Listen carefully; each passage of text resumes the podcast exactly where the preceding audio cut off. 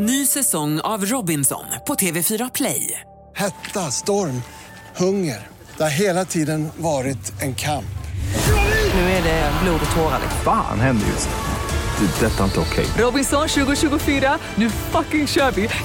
Streama söndag på TV4 Play. Podplay. Välkomna till krimpoddarnas krimpodd Över min döda kropp med mig, Anna Jingede Sundvall och... Fan, du drog till med fler efternamn idag.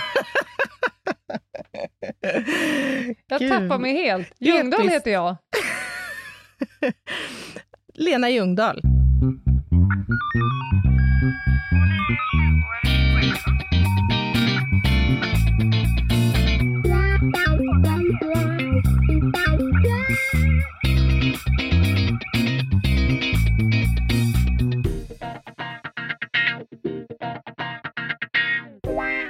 Nej men välkomna hörni! Avsnitt 1, 6, 6. Ja. Och nu blir det pang-pang. För hela slanten. Det här ska bli kul, sk- skulle jag vilja säga. Jag var tvungen att gå tillbaka. Vi har ju pratat pang-pang vid ett tidigare tillfälle, avsnitt Mm. 31, och sen har vi ju kommit in på det här och var, Ja, just skulle jag vilja säga. Mm-mm. Men för att det inte ska bli kaka på kaka så gick jag tillbaka och hörde mig för vad det var egentligen vi snackade om där i avsnitt 31. Ja, får jag fråga, var det väldigt plågsamt? Ja, Nej, fan. eh, dels är det ju plågsamt att lyssna på sig själv, Ja, det är det alltid. men det var också lite, lite svajigare. ja, det Ja, kan vi jag var, tro. vi var inte helt, alltså, inte helt. Nej. Men, men, vi pratade i alla fall om våra egna erfarenheter, om resan från att vara en icke vapenbärande filur till att faktiskt skaffa ett yrke där man bär vapen. Mm. Vi pratade om polisens våldsanvändning, om våra kompetensskjutningar, Mm. om polisens själva vapnet och en hel del om ammunitionen. Så ni som är sugna på det, ni bläddrar bakåt och hoppar in i avsnitt 31. Men det som förvånade mig Mhm. var att Ljungdahl inte riktigt tog tillfället i akt och Va? pratade om den juridiska aspekten av pangpangeriet. Det, det förvånar mig. Det sladdar vi förbi på två hjul. Nej, men-! Kan vi, inte, kan vi inte inleda det här avsnittet med det då? Jag tror det, för sen så kommer jag att släppa dig lös och när jag har gjort det så kommer du förmodligen aldrig sluta prata. jag har lite kikat på ditt manus här nere. Jag bara namedroppar bly, barium, antimon. Jag kan också droppa inmätning, millimeter. Jag, jag scrollar ner här. Lufthav, eh, sårkanal och så vidare. Ni hör ju, det här kommer bli ett, ett riktigt håll käften-avsnitt. Alltså det här är ju eh, forensisk onani nästan.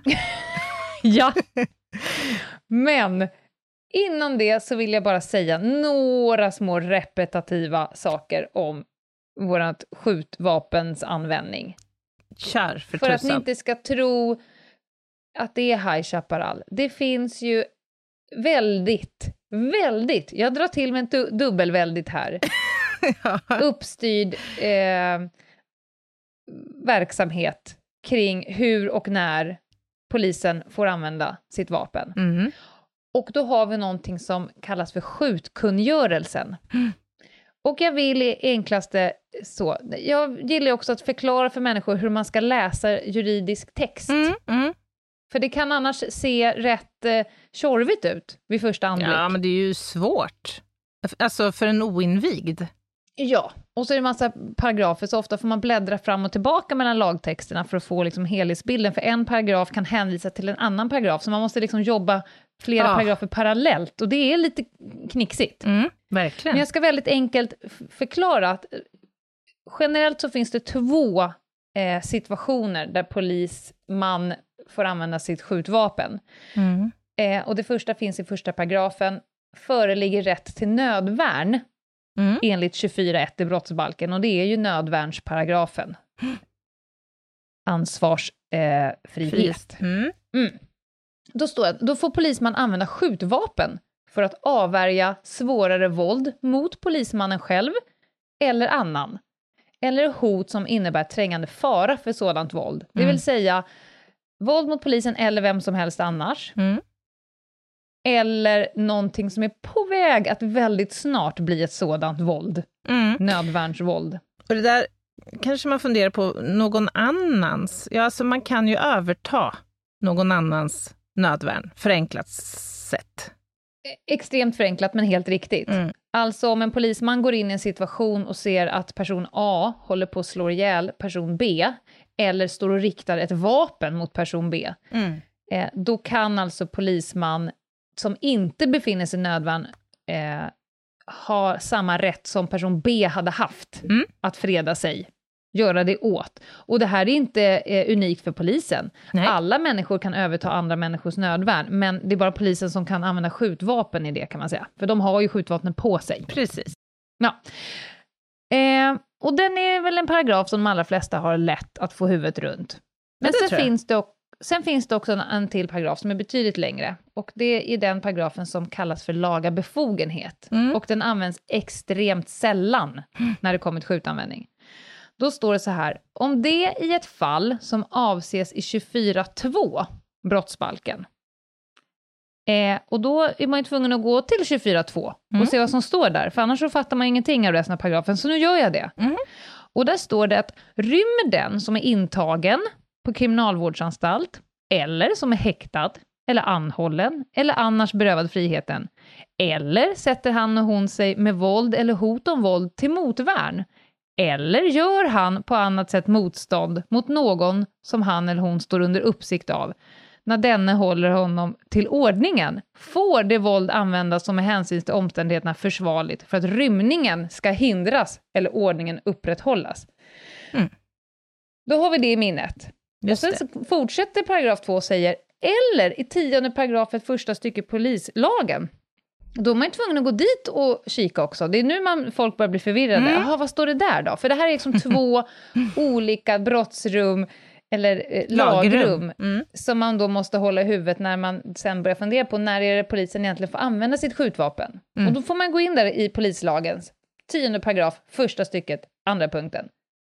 Och där står det ju då, en polisman får i den mån med andra medel otillräckliga med hänsyn till omständigheterna är försvarligt använda våld för att genomföra en tjänsteåtgärd. Om någon ska häktas, anhållas eller annars med lagas stöd berövas friheten om den personen försöker undkomma polismannen. Så laga befogenhet betyder alltså att jag får använda skjutvapen in, om det inte är nödvärnssituation, men jag ska göra de här sakerna som står i de här två paragraferna. Gripa någon som rymmer från ett skitfarligt brott. För nu kommer det här uppradat, för man kan inte skjuta någon som försöker rymma från ett snatteri. Nej, det är rimligt. Nej. Och då finns det en jädra massa brott eh, uppradade.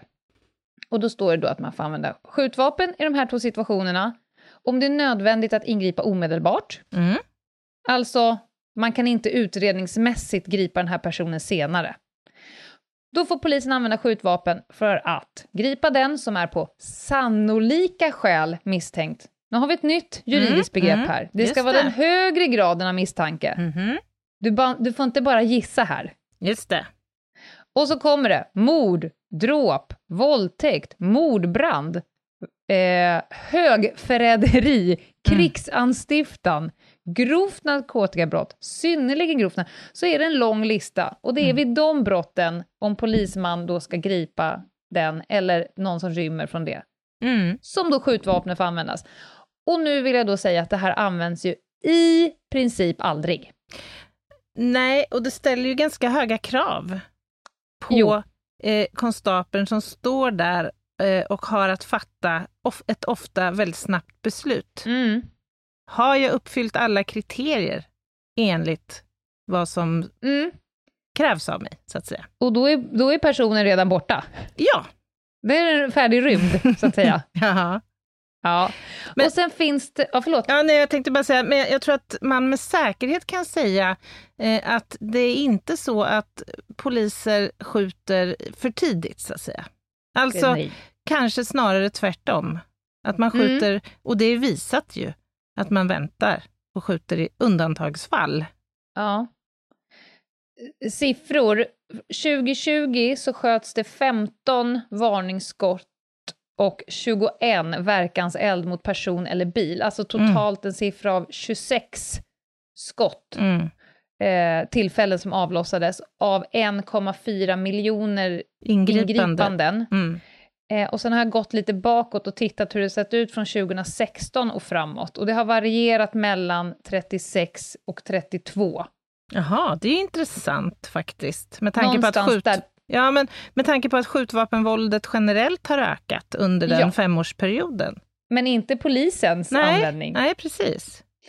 Eh, och sen så finns det då också en FAP som reglerar, som, där står väldigt tydligt vem som får ha, vad man ska ha gått för utbildning, vilket vapen man ska ha, hur man ska använda det. Mm.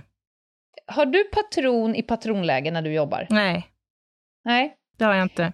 Det beror på att jag helt enkelt inte har lärt mig att bära vapnet så. Jag Nej. väljer att köra enligt den gamla varianten, där man helt enkelt måste göra en mantelrörelse för att knuffa in Mm. en patron i patronläget.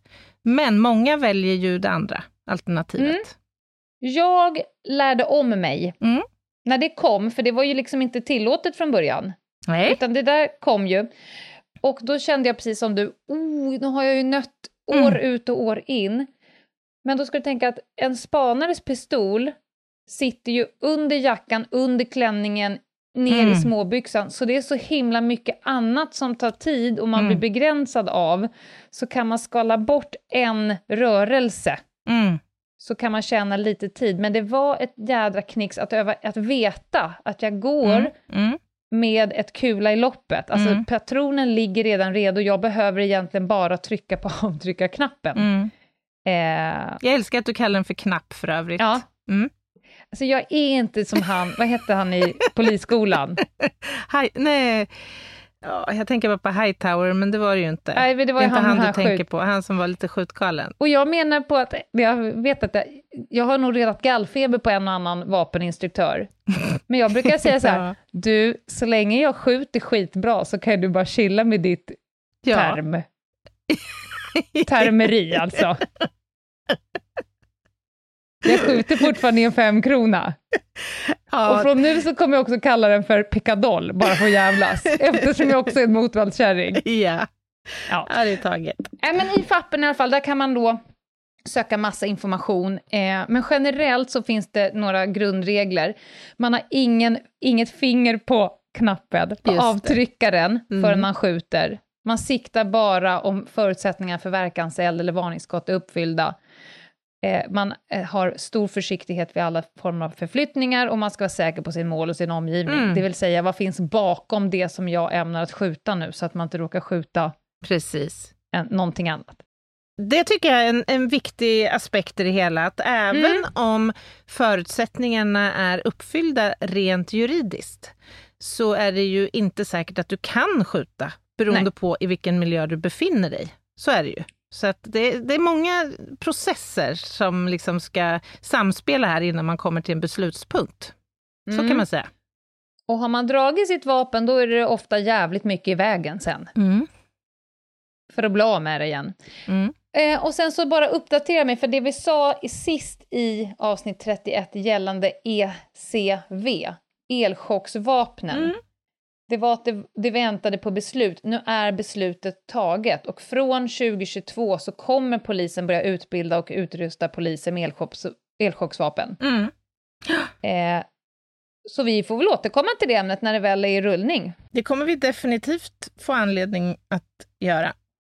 Jag undrar om jag kommer behöva bära ett sånt. Tror du det? Ja, men vill du ha mer utrustning att bära på? Absolut inte. Nej, Nej, du har inte mig. det vill jag inte. Du får överlämna det till de unga och snärtiga. Ja, gärna. Som tänker mest utrustning vinner. Precis. Sen hade jag inget mer från det juridiska rummet. Jag hade en fråga om vi ska prata något om vapentillstånd eller om det... Vi kanske tar det när vi har ett avsnitt om typ jaktbrott och sånt. Ja, det behöver vi ju ha. Vi har ju en liten vapenlag Ja, som vi kanske behöver säga någonting om. Eller? ja, för där går det ju att hämta mycket om vem som får inneha vapen och ammunition, Mm. eh, vad som krävs för att man ska få licens, Mm. eh, 18 Och vad som- år. Vad som ska vara eh, uppfyllt för att det överhuvudtaget ska eh, betraktas som ett vapen. Exakt, klassas som ett Mm. vapen, ja. Nu är det mycket nörderi, alltså, men vad är ett effektbegränsat vapen? Och de här effekter som mäts i joule och lite var gränserna går och det vi pratar anslagsenergi och så vidare. Så att här behöver man ju en helt en ocean av kunskap för att ens försöka lista ut vad som är ett vapen och vad Mm, som inte är mm. ett vapen. Och det, vi är ju glada att det inom Polismyndigheten finns vapenexperter. Mm, verkligen, och vapentekniker inte minst. Ja. Helt rätt. Men nu tror jag, Anna, att jag bara lutar mig tillbaka och följer med dig i din dans här, nu genom kulhålen och sårhålorna. Oh, vad härligt! Alltså när jag satt och funderade på hur, hur jag skulle lägga upp det här så, så eh, visade det sig bli ganska svårt. För att det här är ett stort område ur eh, mitt mm, yrkesmässiga perspektiv. Alltså, Mm. Vi kommer ju i kontakt med vapen i massa olika typer av sammanhang. Det kan handla om vapen som anträffats på en brottsplats. Det kan handla om en skjutning som har skett. Eh, Det kan handla om att eftersöka vapen i en viss miljö och så vidare och så vidare. Eh, Så, att, och det, så det här är ett ganska, ja, låt mig kalla det eh, komplext område. Det är stort. Men, Fråga från början. mm, Har alla kriminaltekniker en bas eh, om vapen och sen så finns det några av er som är nischade? mm.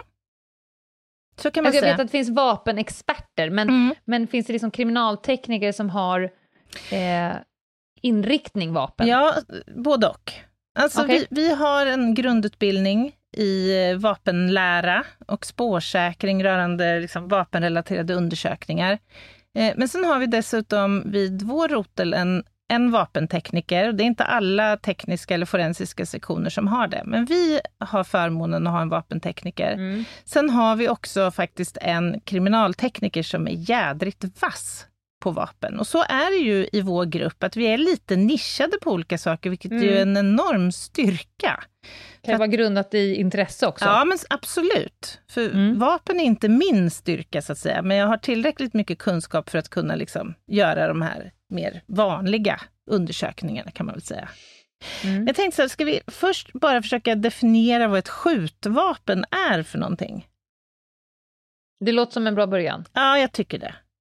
Alltså, ett skjutvapen eh, beskrivs som ett vapen som man kan använda då kulor, hagel, harpuner eller andra projektiler i. Och att de här ska kunna skjutas ut med hjälp av en krutladdning, en kolsyreladdning, komprimerad luft eller andra liknande utskjutningsmedel.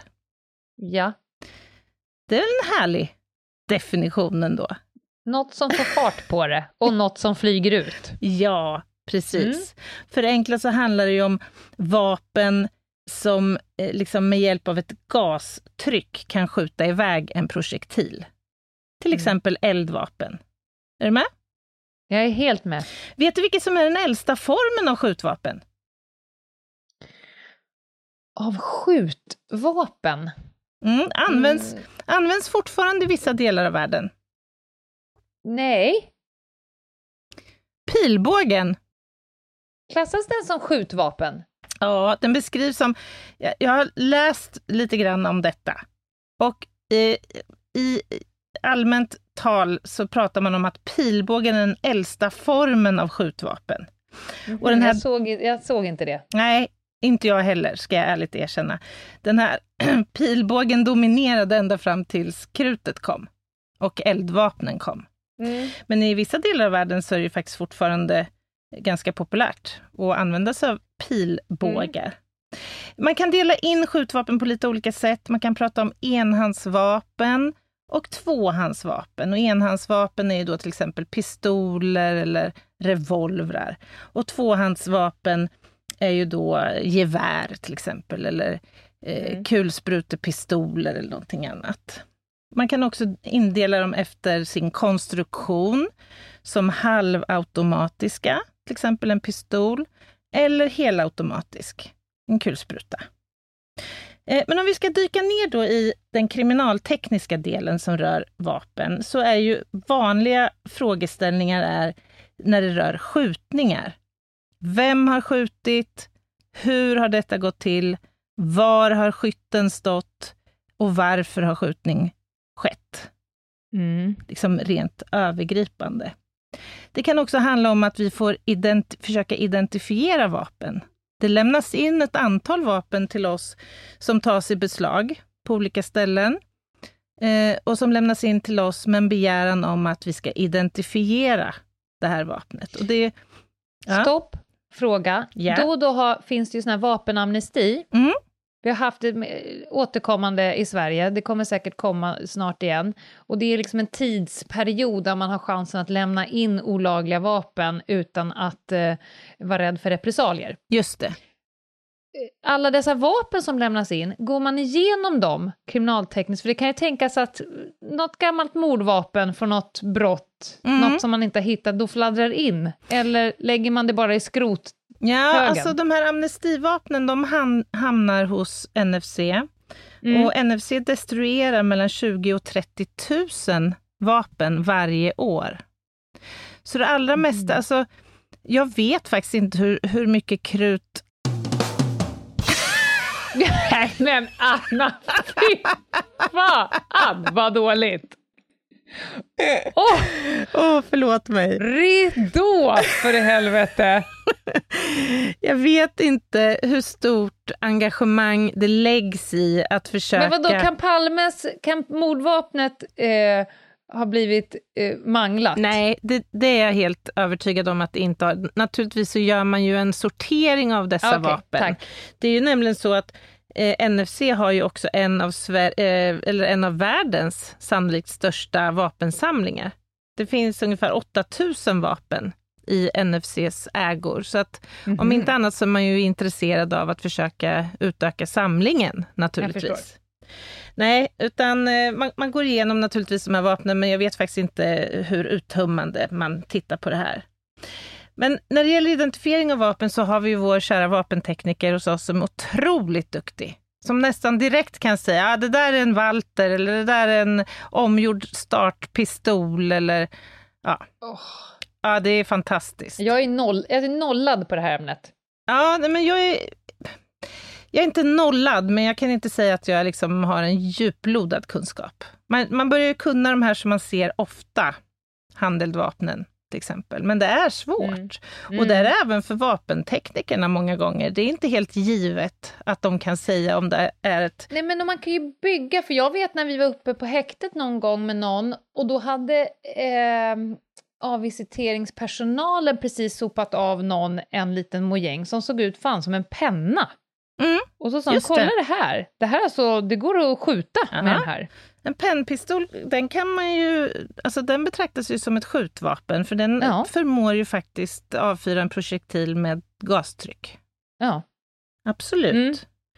Och att det är viktigt att identifiera vapen, det beror ju på att man vill veta om de liksom lyder under vapenlagen. Det är nummer ett.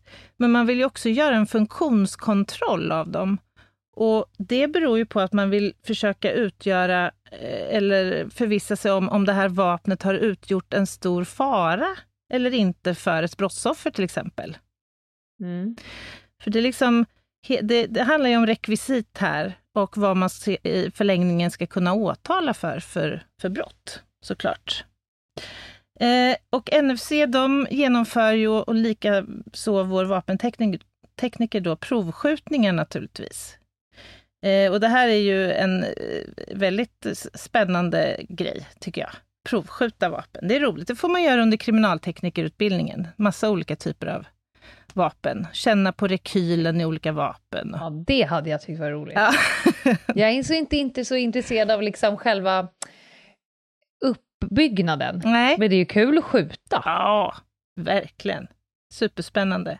Provskjutning gör man då genom en, antingen en, eh, vad ska vi kalla det, en vadderad tunnel nästan.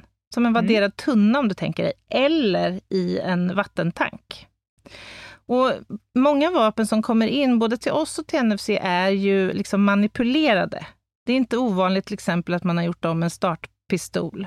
Och det innebär ju att hanen kan bli väldigt känslig för stötar till exempel. Så att de här måste man ju verkligen ha stor respekt för när man ska provskjuta så att det inte liksom blir någon form av tillbud naturligtvis.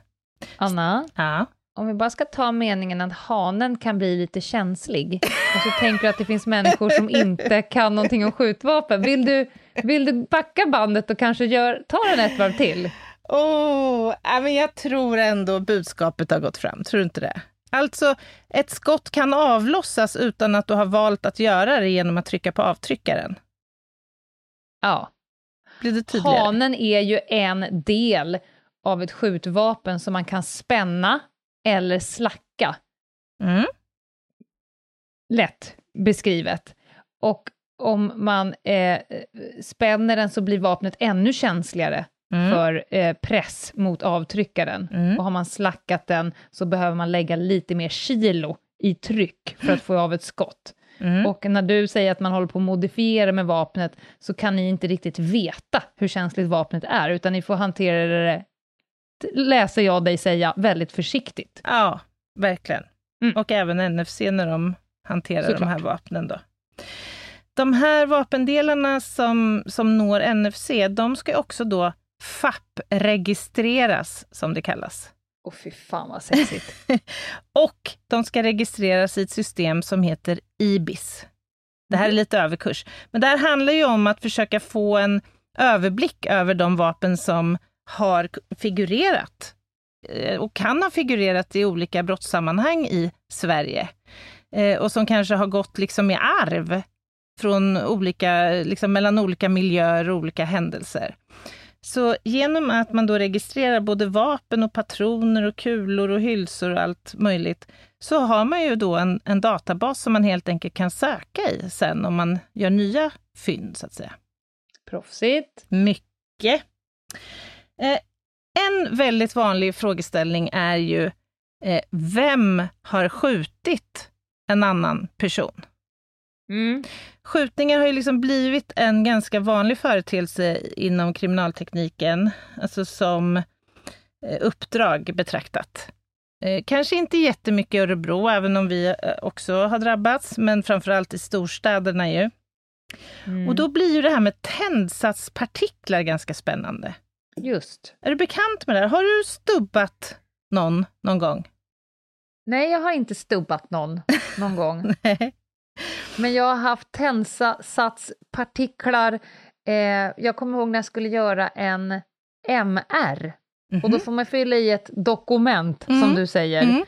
om huruvida du har någon metall i, i eller på kroppen. Mm. För det kan börja brännas lite när det åker in i röret, så att Just säga. det. Ja. Och då sa jag, ja, alltså jag har stått på skjutbanan i åtta timmar typ innan det här.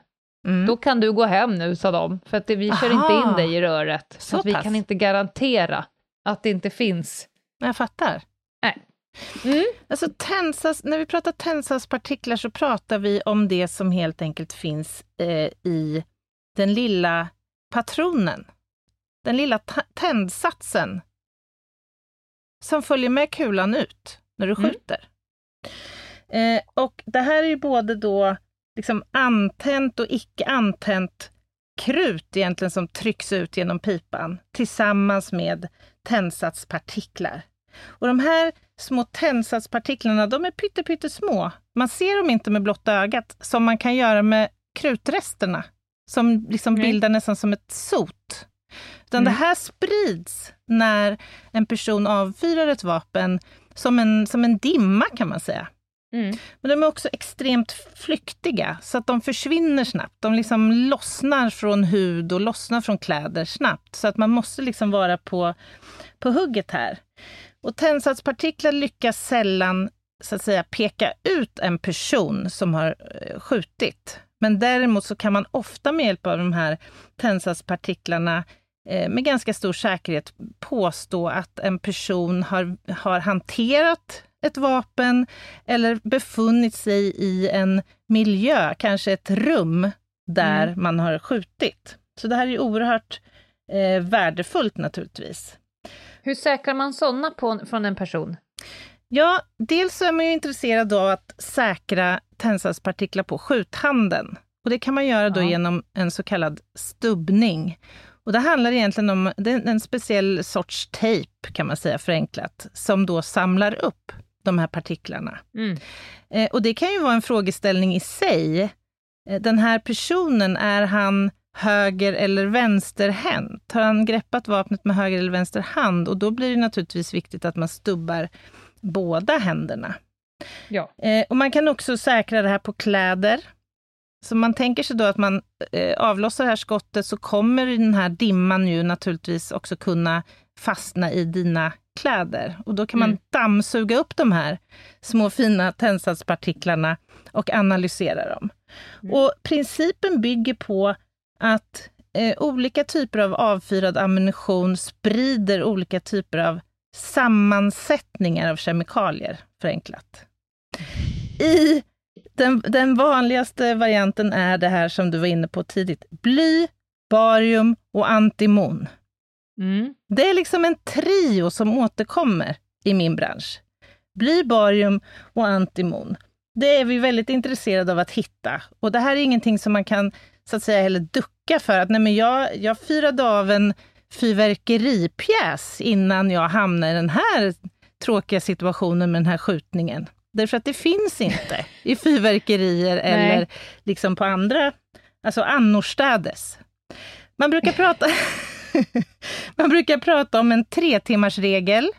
Så har det liksom förlöpt mer än tre timmar sedan en skjutning har skett och en person då, låt säga att en person har gripits som misstänkt för det här, så är det svårt.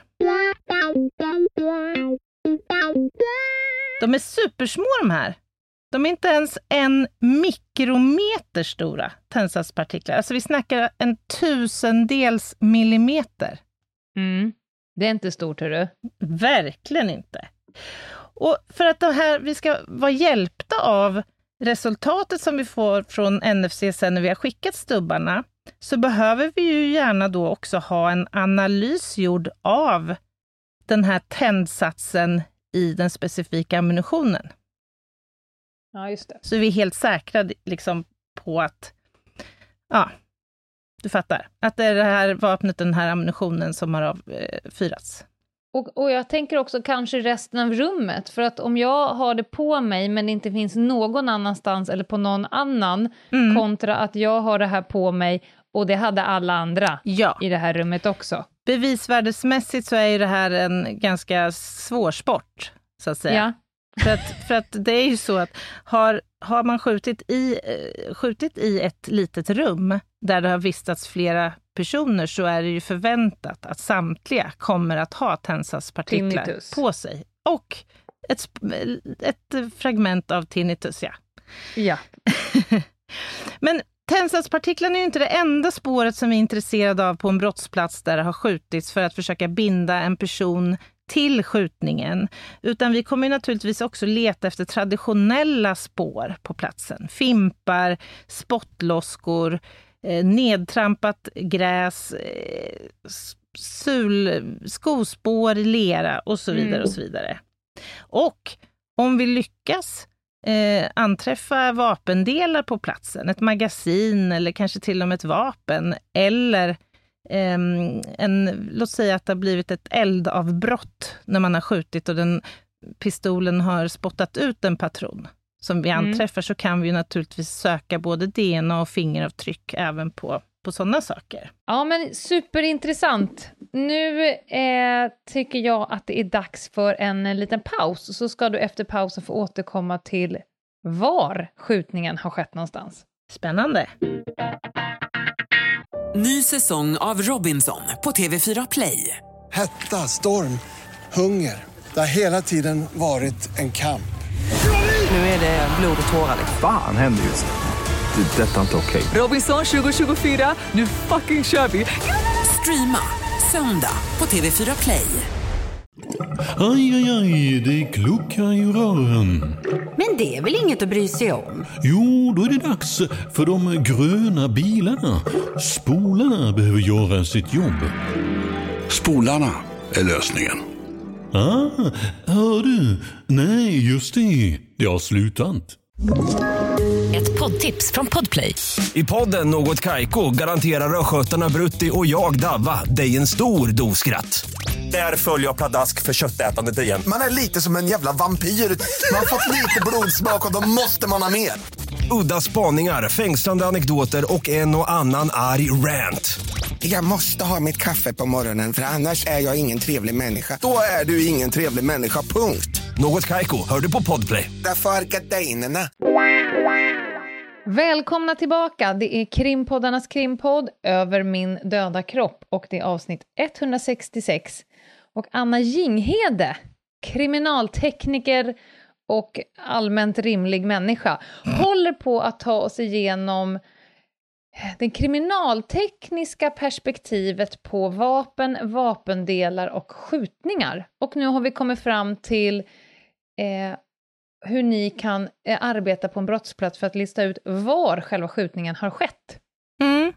Ja, men det är ju såklart eh, angeläget att försöka fastställa liksom, en position på skytten och eh, liksom, relationen till personen eller personerna som också har skjutits. Om mm. det nu är riktat mot eh, levande ting, så att säga. Och en första utgångspunkt blir ju att eh, finkamma brottsplatsen. Alltså helt enkelt försöka att hitta kulor och kulfragment, ammunition och hylsor.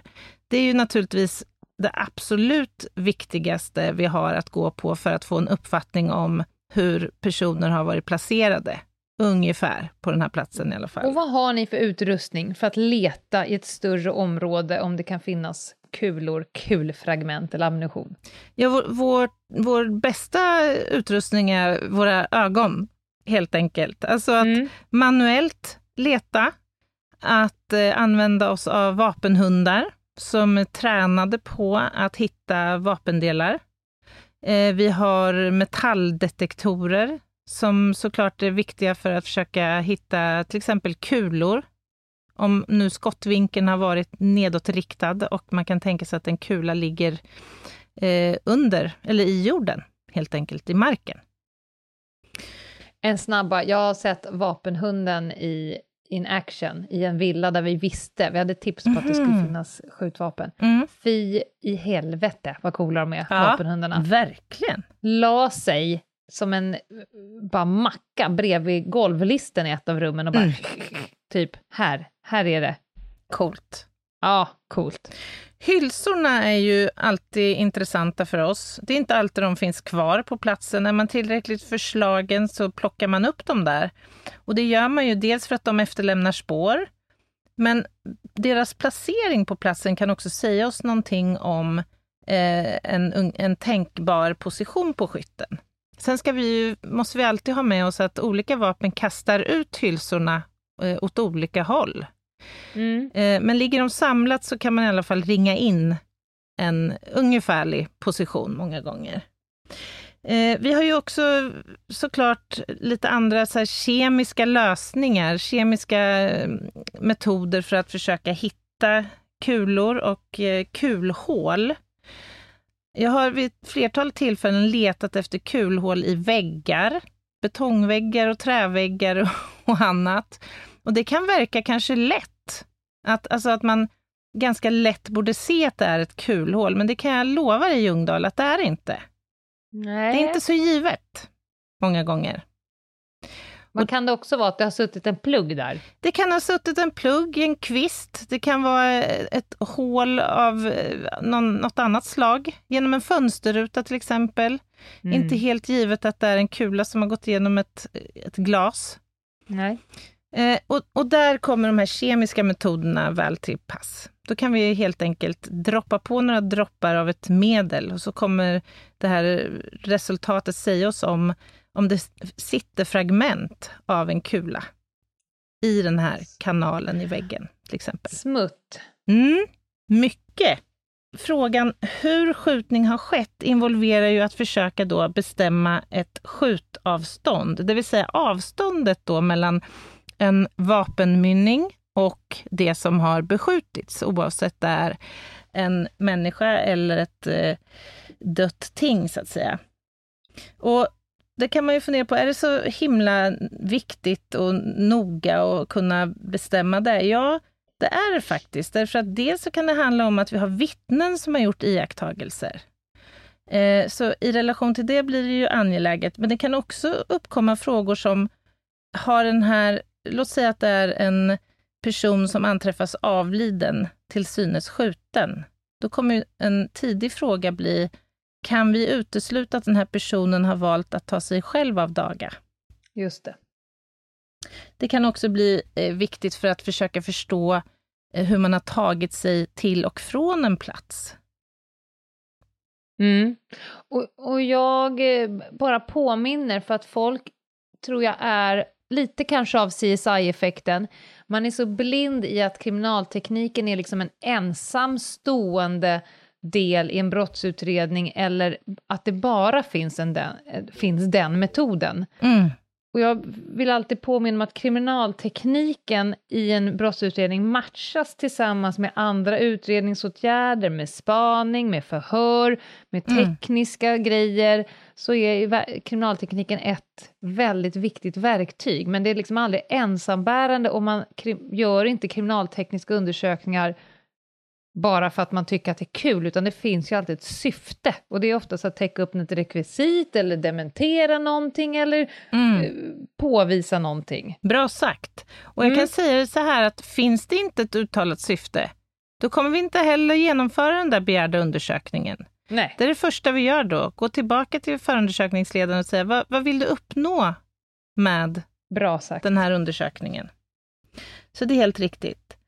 Eh, en skjutavståndsbedömning kan man göra på ett liknande sätt som när det handlar om de här tensatspartiklarna jag pratade om, men då är vi mer intresserade av skottresterna. De här partiklarna som är lite större än det som kommer från, från själva tändsatsen.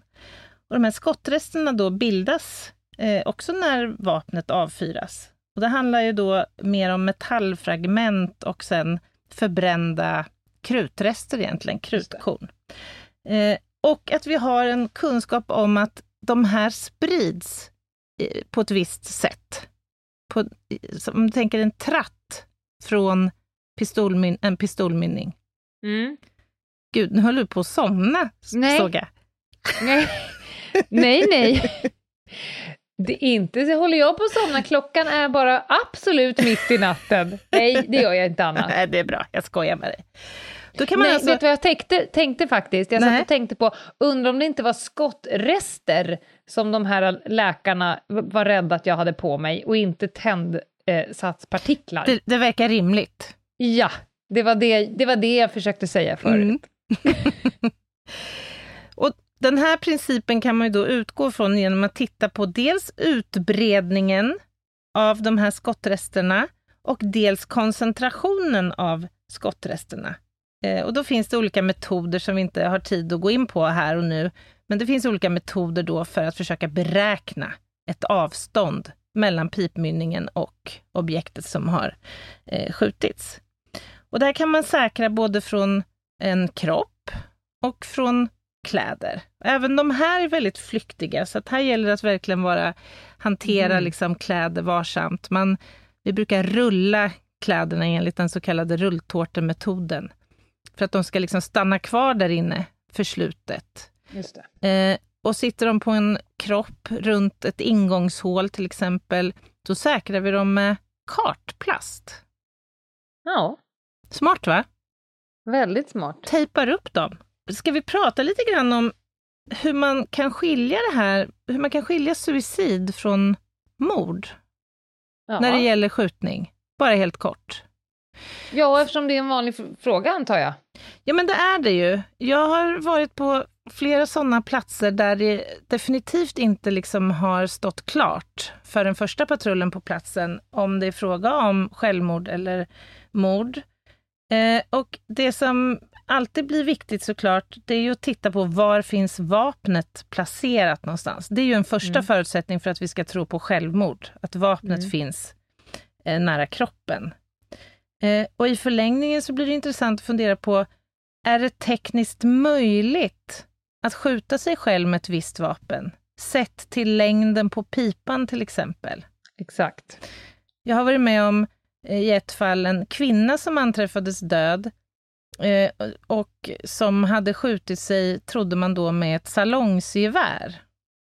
Hur långa Eh, armar hade hon? Ja, och då kan man verkligen fundera på så här, är det möjligt verkligen? Dels är det ganska tungt om man ska hålla det framför sig och dels så är det långt.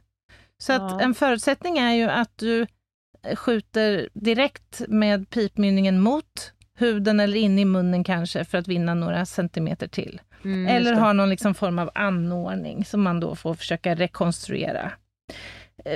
Vet du var man oftast väljer att skjuta sig om man tar sitt liv genom skjutning? Alltså om man ska tro på någon form av copycat-effekt från film så känns det ju som under eh, hakan och uppåt. Mm. Snett uppåt bakåt. Nej, Så gör de ju på film. ja, så gör de på film eh, och det kan de fortsätta att göra. Eh, I verkligheten så är det oftare faktiskt eh, upp genom gommen. Jaha, är det vanligast? Ja, gom och panna, höger tinning på grund Ja, av att de det. flesta är högerhänta, Högerhänta. och vänster bröstkorg. Ja, de försöker skjuta sig i hjärtat. Mm. Ja. Och, och det är såklart då angeläget att vi också tittar då, finns det blod på, på avtryckarhanden till exempel, och på pipan? Om man nu har haft den nära huden eller till och med påsittande. Finns det sot på händerna? Så det finns några saker vi kan titta på. För rättsläkaren blir det intressant att se, finns det en eller flera dödande skador? Finns det flera dödande skador, då är det ju helt plötsligt inte eh, rimligt att tro att det är frågan om ett självmord. Så Att lite jag s- först försökte slå ihjäl mig själv, Ja, för att sen försöka skjuta mig. ja. Ja. Eh, Men så att den här typen av frågeställningar blir alltid liksom centrala i de här Just fallen. Sen har vi det här med ballistiken. Mm. Det händer ju att folk hör av sig och säger det var, något som, det var någon som sköt in i mitt hem igår. Men jag tar bara ett, ett exempel. Mm. Mm. Jag vaknade av att rutan gick ner i köket och jag hittade en liten kula låg på golvet. Och då blir ju frågeställningen så här, var har den här skytten stått? Eh, kan det vara ett vådaskott? Och så vidare. Mm. Och då blir det intressant att titta på kulbanor. För låt säga att i den här miljön finns det jägare. Ja, just det. Och då uppkommer ibland tanken, kan det vara så, eftersom det här sammanföll med den årliga älgjakten, kan det vara så att Mm. det var en förlupen kula? Och, Mm. och att någon då bör rimligen ställas till svars för att man har brustit i just de här reglerna kring hur man ska hantera sitt Var skjutvapen. säker på ditt mål och din omgivning. Exakt. Och det här är ju en hel, alltså det här är ju hardcore vetenskap det handlar om. yes. Ballistik, alltså läran om hur en projektil rör sig i luften. Men man kan, man kan beräkna kulbanor eh, enligt några äldre vise mäns eh, då formler, skulle man väl kunna säga. Galileo Galilei, han var tidigt på det. Visste du det? Ja, Nej. han eh, var så tidigt på Jo, det så men vad fan, de här kast eh, eh, ner från hus, det har man ju sett ritningar på. mm, Kastvinklar, var det han? Det var han. Under 1600-talet så visade han hur en projektil eh, beter sig som rör sig i ett lufttomt rum och Just som det. bara påverkas av tyngdkraft. Eh, och han visade då att då kommer rörelsen att bilda en parabel. Det här är lite, det är lite överkurs.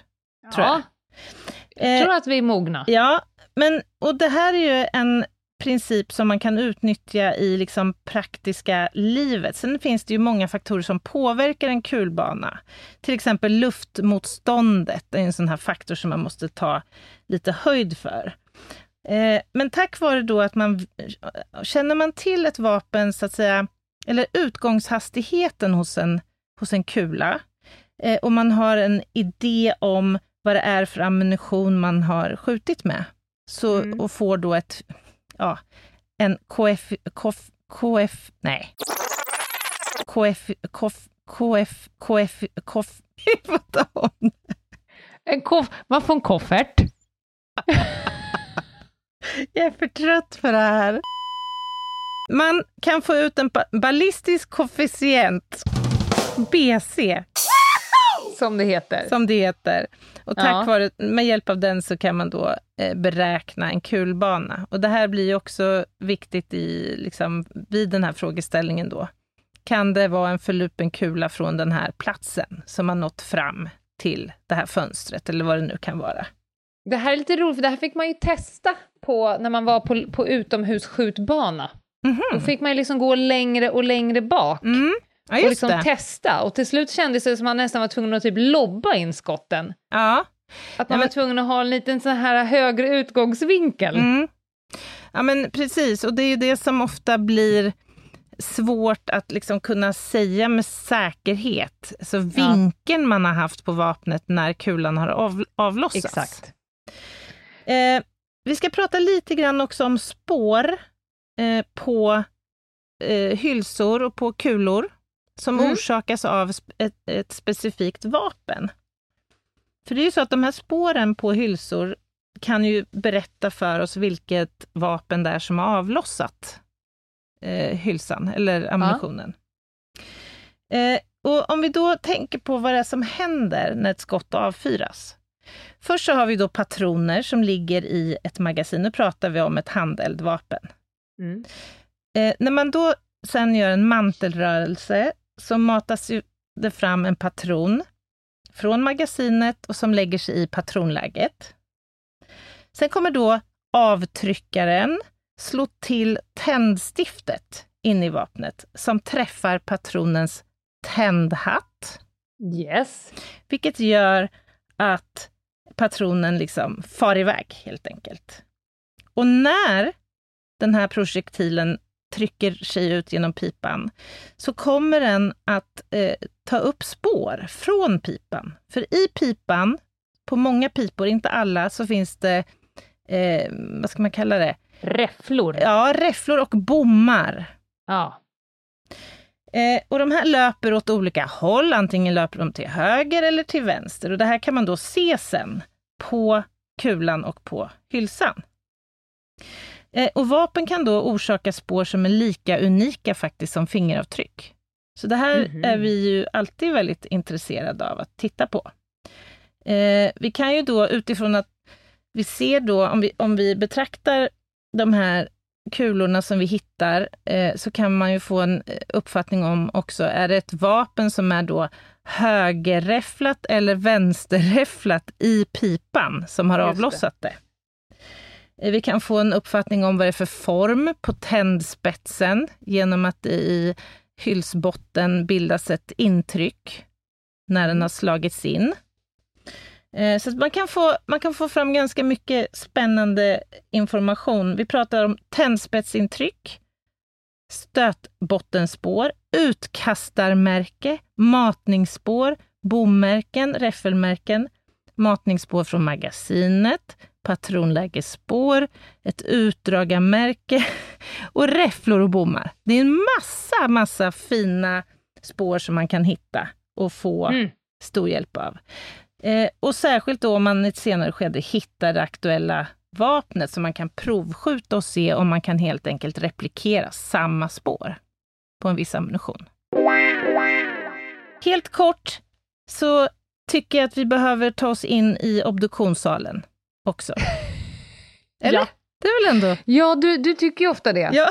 Att vi ska dit. Och vi följer med. Vi andra, vi, vi följer glatt med.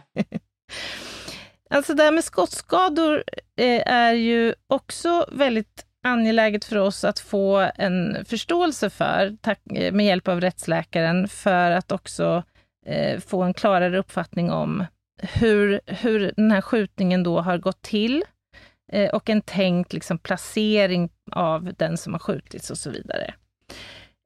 Och förenklat så kan man ju säga att typen av skottskador som uppkommer eh, beror dels på kulbanan, men också hur stor energi som överförs till vävnaderna. Och här har ju då till exempel kulans hastighet en ganska stor betydelse. Alltså utgångshastigheten från pipmynningen helt enkelt. Så utifrån hur skadorna ser ut så kan man få en idé om, har det varit fråga om ett måttligt energiinnehåll eller stort en energiinnehåll? Sen vet vi att olika typer av ammunition också ger upphov till eh, olika eh, grad av egentligen uppbromsning in i kroppen och därmed energiavgivning. Ja, och där har ju då till exempel, som vi säger i avsnitt 31, polisens ammunition varit lite under diskussion. Ja. För att den ska stanna i kroppen, för att inte gå in på ena sidan, ut på andra sidan och fortsätta med samma hastighet in i någon annan kropp. Mm. Men det trasar då sönder en Ja. del inne i kroppen. Precis. Mm. Och skottskadorna kan, kan man klassificera som antingen penetrerande eller perforerande. Alltså har de eh, gått in i kroppen och stannat eller har de gått igenom kroppen eller ett organ. Eh, Man kan också klassificera dem utifrån sitt avstånd. Och då pratar vi om antingen påsittande skott, närskott eller fjärrskott. Känner du igen det här från POS? Ja, ja, och jag har eh, sett en person död där Mm. man nästan kunde se eh, pistolmynningen tryckt mot, Mm. alltså någon har stått och hållit sitt vapen dikt an mot. Precis. Eh, Och då pratar vi om ett påsittande skott och det är ju alltså Just. när man har pipan direkt mot huden. Alltså man kan till och med få en stämpling i huden. mm, Eh, och genom att studera då ingångshålets utseende så, så kan man få en förståelse för ehm, ja, men om, om pipan har varit di- dikt an mot huden eller inte. Förenklat så kan man säga så här, man, för att man kommer ju kunna ha då två hål i en kropp om ett skott har avlossats. Det behöver Just. inte vara så, men eh, ofta är det så. Och då behöver man ju veta vad är ingångshål här och vad är ett utgångshål. Och förenklat så kan man säga att ingångshålet är ofta mindre än utgångshålet och det beror på att huden liksom följer med in från hudkostymen. ja. Och den följer också med ut. ja, precis. Utgångshålet blir ofta uppfläkt kan man säga, eller nu ska du få ett nytt ord. Det är ofta everterat. Ja, Ja, istället för inverterad. ja exakt. Sen kan man ju ha då ett ingångshål och flera utgångshål. Hur ska man förklara det då? Ja, det har väl eh, splittat sig på något sätt kanske. Kulan kan ha splittrat sig, men man kan också ha fått eh, frakturer, alltså benfragment som har splittrats loss och skjuter Mm. ut och lyckas penetrera huden från liksom insidan. Och de här olika avstånden då, det påsittande närskottet eller fjärrskottet, de, det är ju alltid eh, viktigt att försöka ja, utreda om det finns då karaktäristik som talar för det ena eller andra. Ett fjärrskott till exempel, då kommer inga krutgaser liksom nå fram till kroppen. Så det är inte heller förväntat att hitta en sotring eller en kontuktionsring som det kallas runt ett ingångshål. Så genom att s- så här, specialstudera de här skadorna så, så kan vi få jätteviktig information helt enkelt. Och jag ser att tiden rinner iväg här. Jag skulle kunna prata om det här i två timmar till, tror jag. Jag hade tänkt prata lite om Palmevapnet och lite annat, men, men jag har ju förberett en lista idag. Ja, och den vill vi höra, men vi kommer väl, vi kan väl nästan garantera att vi kommer att återkomma till ämnet skjutvapen. Definitivt. För som du sa någonstans i avsnittet, det här är, det är väldigt lätt att få tag på skjutvapen i Sverige. Jag pratade senast i måndags när jag var och föreläste Mm. eh, om eh, allvarliga händelser. Skjutvapen finns i omlopp i Sverige, det är lätt att få tag på. Det är, Mm. De allra flesta kan lista ut hur man gör och det är inte så himla dyrt att illegalt köpa ett vapen. Och Nej. därmed kommer även vår podd att behöva belysa det här vid fler tillfällen från olika vinklar. Och då har du chansen att brodera vidare. Ja, det ser jag fram emot. Det här är ju ett, det är ett stort ämne. Vi har inte ens varit inne på ammunitionstyper och hagelsvärmar och eh, kaliber. Vad är det Du för hör. något? Alltså, här finns det att hämta. Det blir en part two. Det blir en part fram. two. Men du ska alldeles strax få komma igång med din jätte, jätteviktiga lista. Vi har ju det som upplägg här att varannan vecka så kör Anna en eh, lista och varannan vecka så kör jag en rövhatt. Och det kom till för att vi har fäbless. Anna har en fäbless för att lista saker och jag är ibland arg. Så kan man väl sammanfatta det. ja, det var en bra sammanfattning ja. tycker jag. Men innan dess så vill jag tipsa er om att gå in på Instagram, där vi heter Ljungdahl och Ginghede, där vi också livesänder lördagar kvart över elva. Mm. Och eh, på fredagar så lägger vi upp en fredagsbild och där har ni chansen att vid den bilden skriva era frågor som ni vill att vi ska ta upp på lördagsliven. Mm. Och sen finns vi också på mejl hej at ljungdahljinghede.se och så hemsidan ljungdahljinghede.se. Men nu, Anna, ah. take it away. Thank you. Annas jätte, jätteviktiga lista. Ja, vi ska alltså prata om några jätte, jätteviktiga saker idag. Ja. ja. Ännu fler viktiga saker. Jag tycker allt jag har sagt idag har varit jätte, jätteviktigt. Det har varit det. Men eh, låt oss för all del stanna kvar vid ämnet. Mm -hmm. eh, inte ska vi väl lämna det här området som vi nu har bekantat oss med. Utan låt mig få illustrera några ganska speciella typer av vapen. Jag börjar med plats nummer sex. Har du hört talas om The Bulgarian Umbrella? Nej, men jag känner mig intrigued ja, när du det, säger det. Det tycker jag att du ska göra faktiskt. Vi snackar nu alltså om, om du tänker dig ett helt ett, ett paraply. Ja. Sen inne i själva liksom, ja, pistongen höll jag på att säga, i själva paraplystången, vad, he ja. vad heter den delen? Ett skaft. Ja. Så, så finns det alltså en pneumatisk liten eh, konstruktion. Aha. Alltså du kan avfyra giftampuller med Hello, paraply. 007. Eller hur? Det är någon form av blandning av James Bond och Kingsman, som är lite ja. så gentleman Just det, style. just det. Ja, det här gillar man ju. Ja, men det är ändå liksom, hallå. Vad sa du, bulgarisk? Mm, the Bulgarian umbrella. Det Mm. skjuter alltså iväg en giftampull då som innehåller resin. Och det mår man Ja. inte så bra av om man Nej. får i, i kroppen. Och eh, det finns ett känt fall, av, alltså en avrättning med hjälp av the Bulgarian umbrella.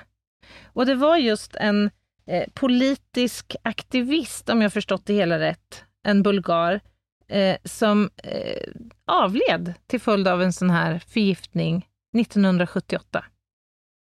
Han Mm. trodde själv att han hade blivit eh, bistungen. Så han sökte Mm. inte vård direkt. Nej, det är svårt att göra kopplingen. Oh, nu mår jag skitdåligt. Det är nog någon som har skjutit mig med ett paraplyjävel. Har jag mött några med paraply uppfällt idag? ja. Nej, jag, jag, jag köper ändå att hans logik ger honom bistinget som, som liksom mer Ja, för ja. sanning. Som en mer trolig orsaksfaktor. Mm. Okej, plats nummer fem. Känner du igen Vespa 150 TAP? Nej. Svar nej. Nej. Alltså om du, om du föreställer dig en, en traditionell Vespa, alltså en farkost pratar vi Ja, om nu. ja, ja. ja. Eh, och så, så tänker du dig att rakt över själva styret, eller vad man ska Ja. säga, och bak, där sitter ett sånt jädra fett granatgevär. Ja, det låter Jag har konstigt. så många frågor. Jaha. Alltså det ser ut som en vespa vilken som helst, bortsett då från det här gigantiska granatgeväret som sitter över då eh, Vad hojen. hette fanskapet? Vespa 150 TAP. Och de här skotrarna då, de... ja, visst är det sanslöst? Vad fan är det frågan Ja, om? visst. Ja, det är helt sjukt. De här släpps då ner från luften tillsammans med luftburna trupper. Det var så de var tänkt att användas. Så det här var på Jaha. 50, 50-talet då. Och det är lite, lite fränt ändå, för det jag tänker är ju rekylen. Hur jobbar vi med re- rekylen här? Låt säga att jag är ute nu och kör på Det är finåker som en lite. jävla bazooka. Du smäller iväg en, men det kommer resultera i att du flyger bak 400 meter. jag menar det. Och en sån där jävel gör, vet du hur snabbt den går också? Det har jag tagit reda på. 65 kilometer Nej men alltså kolla det där lilla hjulet, det är som att åka på en Voi med en bazooka under, under armen. Ja, jag tycker det är helt fantastiskt. Oj, oj, oj Oh, vilken grej. Gud. Ja, det är lite imponerande får man ju ändå säga. Jävla bild. Ja. Ja men, eh, låt mig presentera dig för plats nummer fyra. Mm. Nu ska vi prata om fladdermusbomben. ja, du kan kalla det Batbomb också om du vill, om det känns Ja. bättre. Alltså det här är, det är jänkarnas idé det här. Ja. Alltså som koncept betraktat ändå ganska finurligt.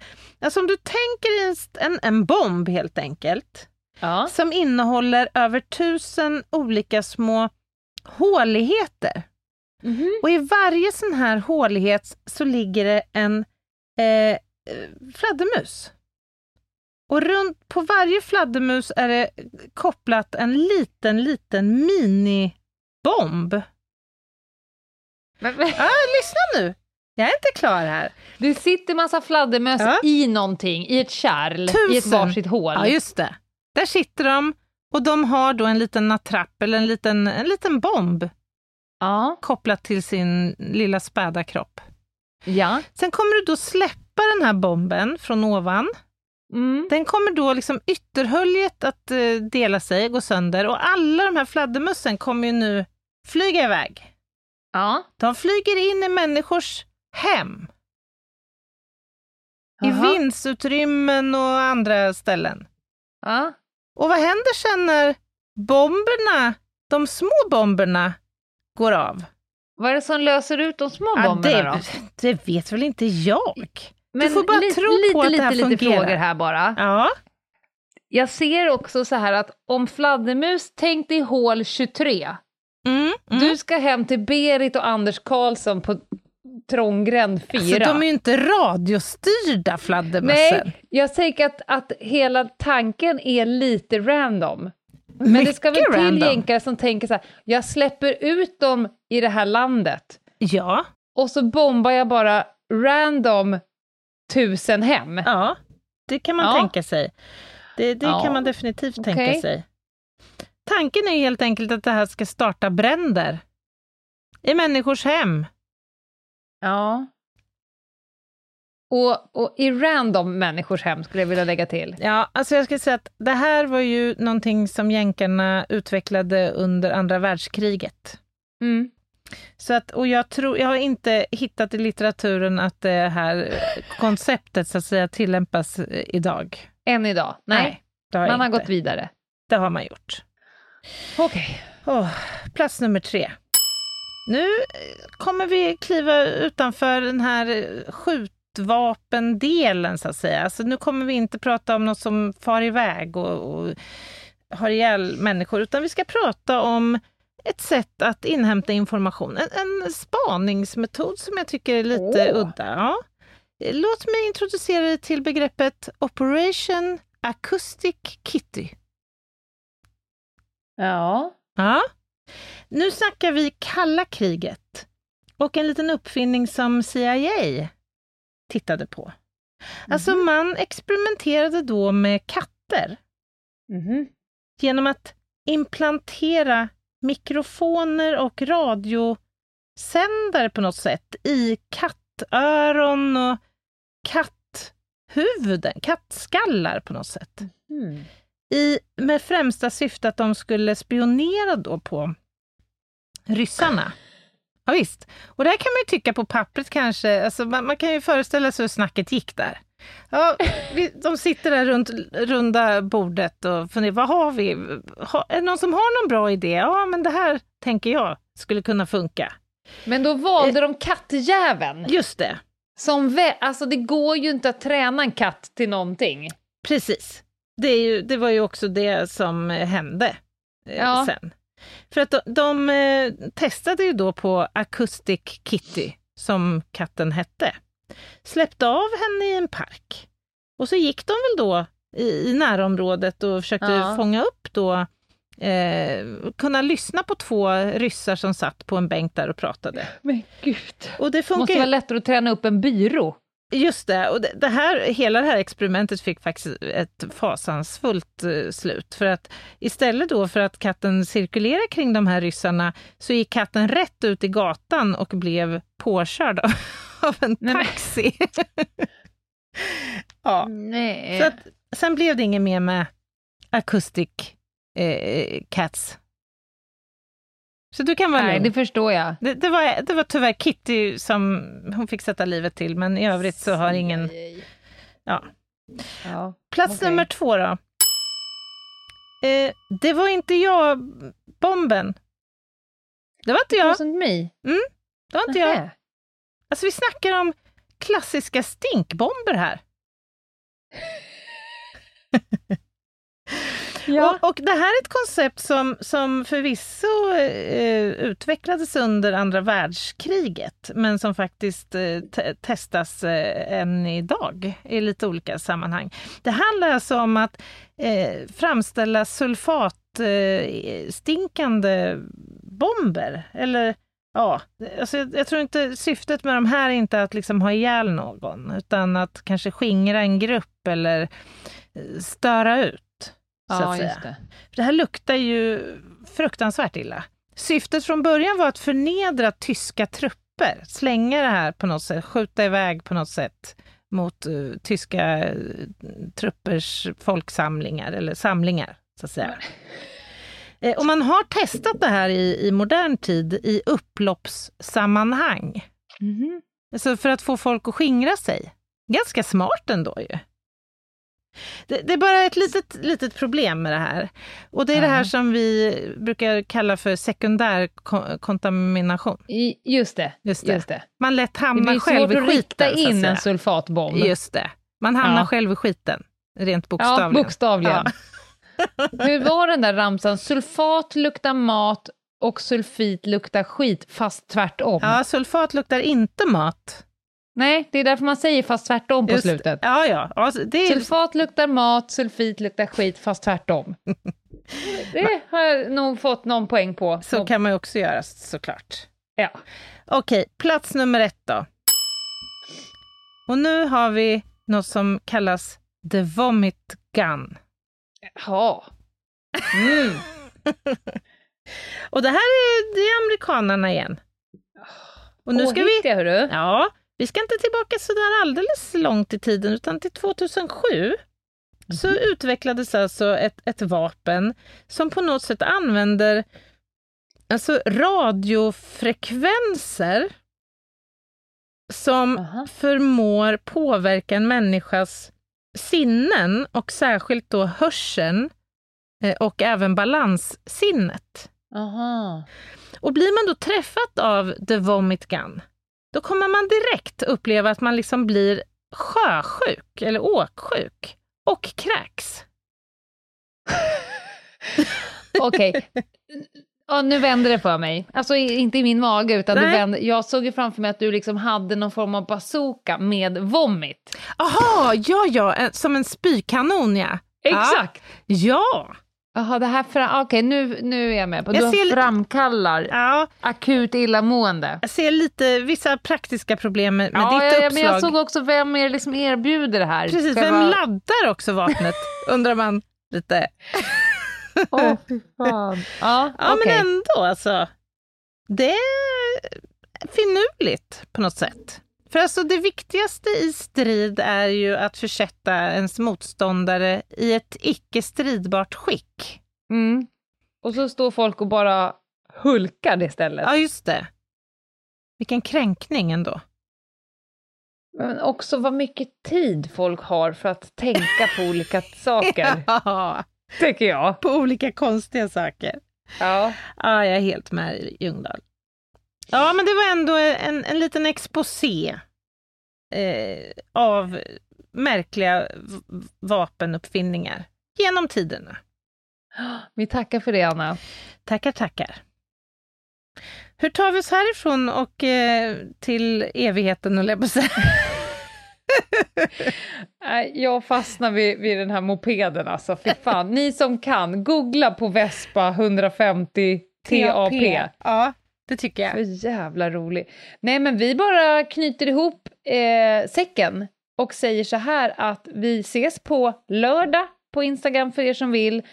Annars så ses vi på måndag igen när vi kör en Mhm. veckans spaning. Och lite så där håller vi på i den här podden. Ja, det är, det är måndag och, och torsdag och lördag hela veckan. Ja, det är det. Så är det. Och ni är välkomna.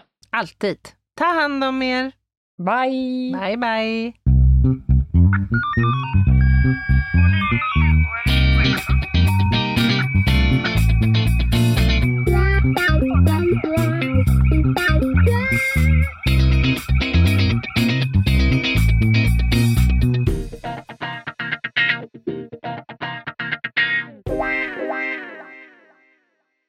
Ny säsong av Robinson på TV4 Play. Hetta, storm, hunger. Det har hela tiden varit en kamp. Nu är det blod och tårar. Fan händer just nu. Det. Detta är inte okej. Robinson 2024, nu fucking kör vi! Streama söndag på TV4 Play.